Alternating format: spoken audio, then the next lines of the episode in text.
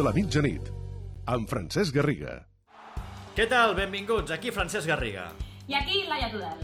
S'acaba l'1 d'abril i avui havíem d'estar tornant d'una pesada aturada de seleccions. La Lliga es començaria a decidir. La Champions ens tindria preparats els quarts de final per la, per la setmana que ve. Però la vida ens ha canviat, tot ens ha canviat i el món de l'esport també. Ara mateix no sabem quan torna res. Estem acostumats a saber sempre quan serà el següent partit del nostre equip, quan serà el següent partit del Barça, de l'Espanyol, del Madrid. Ara no ho sabem.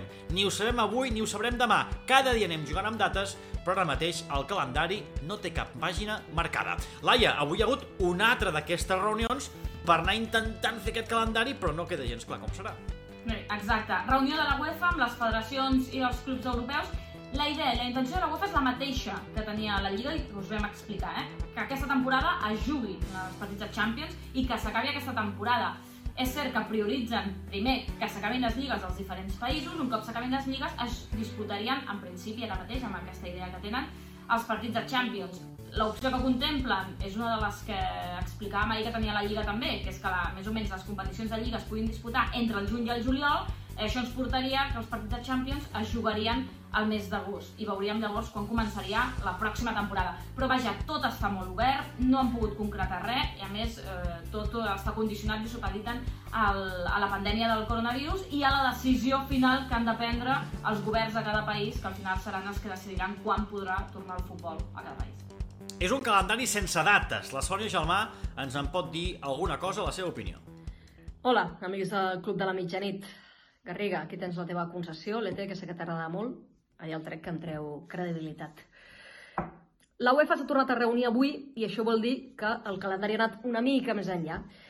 L'escenari de maig ja ha desaparegut i, eh, segons la UEFA, hi ha una opció que és començar les lligues al juliol, hi ha una altra opció més optimista, començar-les al juny. I sabeu que us dic? Que em quedo amb la pessimista de la UEFA ara mateix, perquè la setmana vinent es tornaran a reunir i probablement aquesta ja no hi serà. Que comenci la Lliga al juliol, perquè voldrà dir que es disputa, perquè cada cop la cosa pinta més magra. Aquesta tarda al Tot Costa parlàvem amb l'Àlex Corretja i ens explicava que hi ha jugadors del circuit professional de tennis que creuen que ja no jugarà res més en aquest 2020 a tennis. I si no juga a tennis, òbviament, no jugarà a futbol. Per tant, agafem ara que podem l'escenari de juliol i agost en futbol, perquè és molt important que les temporades puguin acabar per les economies dels clubs i, en el fons, perquè la temporada vinent i les altres puguem tenir lligues ben potents. Dies sense activitat esportiva, sense partits, sense entrenaments, però sí d'activitat a les xarxes, com nosaltres, al Barça, per exemple. Sí, va fent cosetes al Barça, ens van ensenyant doncs, què estan fent i com s'entrenen, per exemple, els jugadors de futbol, i avui, a més a més, han fet una entrevista a les xarxes, amb un live d'Instagram, amb Sergi Roberto, i hem, hem conegut diferents cosetes. Per exemple, com s'entrena, ell ho ha explicat, evidentment té un planning del Barça, però a més a més diu que s'entrena en grup amb els seus amics de tota la vida de Reus, fan una videoconferència i cada dia, tots junts, fan l'entrenament, que així, evidentment, passa més ràpid. Diu que entrenar a casa no és eh, el mateix i per això que quan torni la competició ell demana i espera que es pugui fer una mini pretemporada com a mínim per posar-se a- al dia, diríem, físicament. I cosetes, a veure, com, què fa durant el dia quan no s'entrena? Doncs juga amb la seva filla, que té mesos, juga a la Play, però diu que menys del que ho feia abans del confinament. No és com tu, no, Garriga? Que tu jugues No, però més jo és la Nin- Nintendo Ah, Switch. ah d'acord, d'acord, sí, fes publicitat, exacte. Cuina, que això hi ha molta gent ara que s'ha aficionat a, a cuinar, i després més cosetes, doncs per exemple aquest new look que porta, s'ha rapat també, com ho ha fet molta gent, però diu que ell ho va fer abans, eh, del confinament, però que és un look que li agrada i que ho mantindrà. Bé, això és el Sergio Roberto. Uh, tampoc hi ha gaire activitat de mercato, no hi ha moviment al mercat de fitxatges, però avui a Itàlia Tuttosport ens ha donat alguna pista de què pot passar amb Lautaro. Bé, segons Tuttosport, el Barça hauria fet una oferta, o la intenció, l'oferta que vol fer a Lautaro seria un contracte de 5 anys més dos opcionals i a més a més parlen de sou, fins i tot. Segons Tuttosport, aquest diari italià, el Barça oferiria uns 7 milions d'euros nets anuals a Lautaro i això vol dir que superaria o milloraria l'oferta que li hauria fet eh, l'Inter per renovar. Ah, recordeu, eh, que tenia una clàusula de rescisió entre l'1 i el 15 de juliol, però ara mateix aquesta clàusula no sabem si es pot pagar, no, perquè no sabem què passarà amb els contractes dels futbolistes. I atenció, que avui hem tingut una cancel·lació important. Un dels tornejos històrics que encara no havia decidit o anunciat el seu futur. El torneig a Wimbledon s'havia disputat el 29 de juliol al De juny, de juny. 12, perdó, del 29 de juny al 12 de juliol i finalment no es disputarà, però és que no és que es posposi, es cancela. No hi haurà Wimbledon 2020. Decisió històrica al tennis, ens la comenta el Sergi Andreu.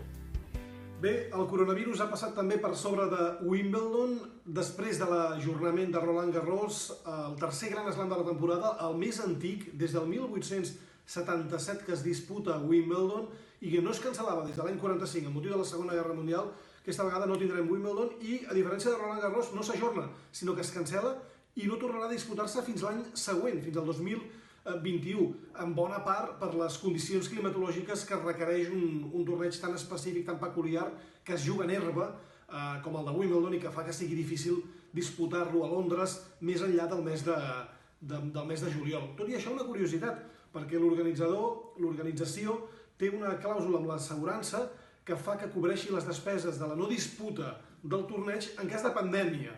És el cas. Per tant, les pèrdues no seran molt elevades. És clar, els, els més afectats són els especialistes en herba. Només cal veure avui una piulada de Roger Federer on es mostra absolutament abatut per aquesta cancel·lació. Eh, Un Roger Federer que a l'agost farà 39 anys, qui sap si seria o hauria estat l'última oportunitat de guanyar aquest gran torneig eh, que tantes vegades ha guanyat.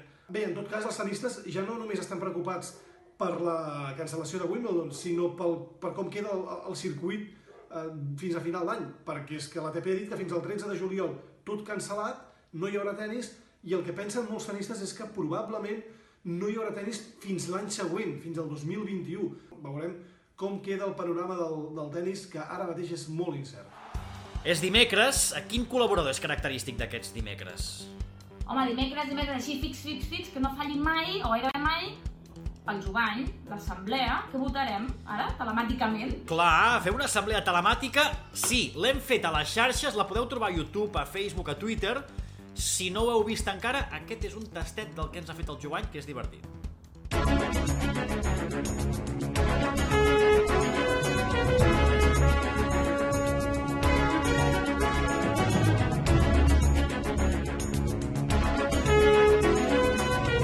Assemblea de compromissaris. La pregunta que us plantejo a l'assemblea de socis del Club de la Mitjanit d'avui, sí, sí, hola, perdó, bona nit, eh, Garriga Tudel, si no hi teniu res en contra, si no dieu res, eh, la pregunta que us plantejo és, la vida és millor sense futbol? Ja fa tres setmanes que dura aquest confinament, ja fa tres setmanes que no tenim jornades de Lliga i potser us heu preguntat o us heu plantejat, hòstia, potser estem vivint millor. Per tant, us donaré tres arguments a favor d'aquesta idea i tres arguments en contra. Primer argument a favor de la vida sense futbol. Uh, segur que heu sentit aquests dies que aquest coronavirus que ens està donant tant pel sac es transmet a través de les, les gotites, no? les gotites, ens he dit 50.000 vegades, les gotites que expulsem mentre parlem, mentre respirem. Llavors, imagineu-vos la psicosi que pot crear haver d'anar a veure un partit de futbol al camp sabent que el futbol és l'esport on s'escup més de tots. Vull dir, uh, si vas a un partit de futbol estaràs veient 22 espersors humans escampant gotites per tot arreu i una d'elles, qui sap si pot anar a parar sobre teu, no? Assemblea de compromissaris. I fins aquí l'edició d'aquest dimecres, Tudel. Com ho tenim, Has això? vist? He canviat Aguantant de fons, bé, eh? no? no? tinc, no tinc la pissarra avui, eh? És diferent, cortinetes de colors. Però que has canviat de casa. No, és la mateixa, però he girat. Dic, ara no, aquesta paret, ara una altra. Tota ella, que espavilada. Uh, gràcies a tots, porteu-vos bé, descanseu fins demà. Adeu.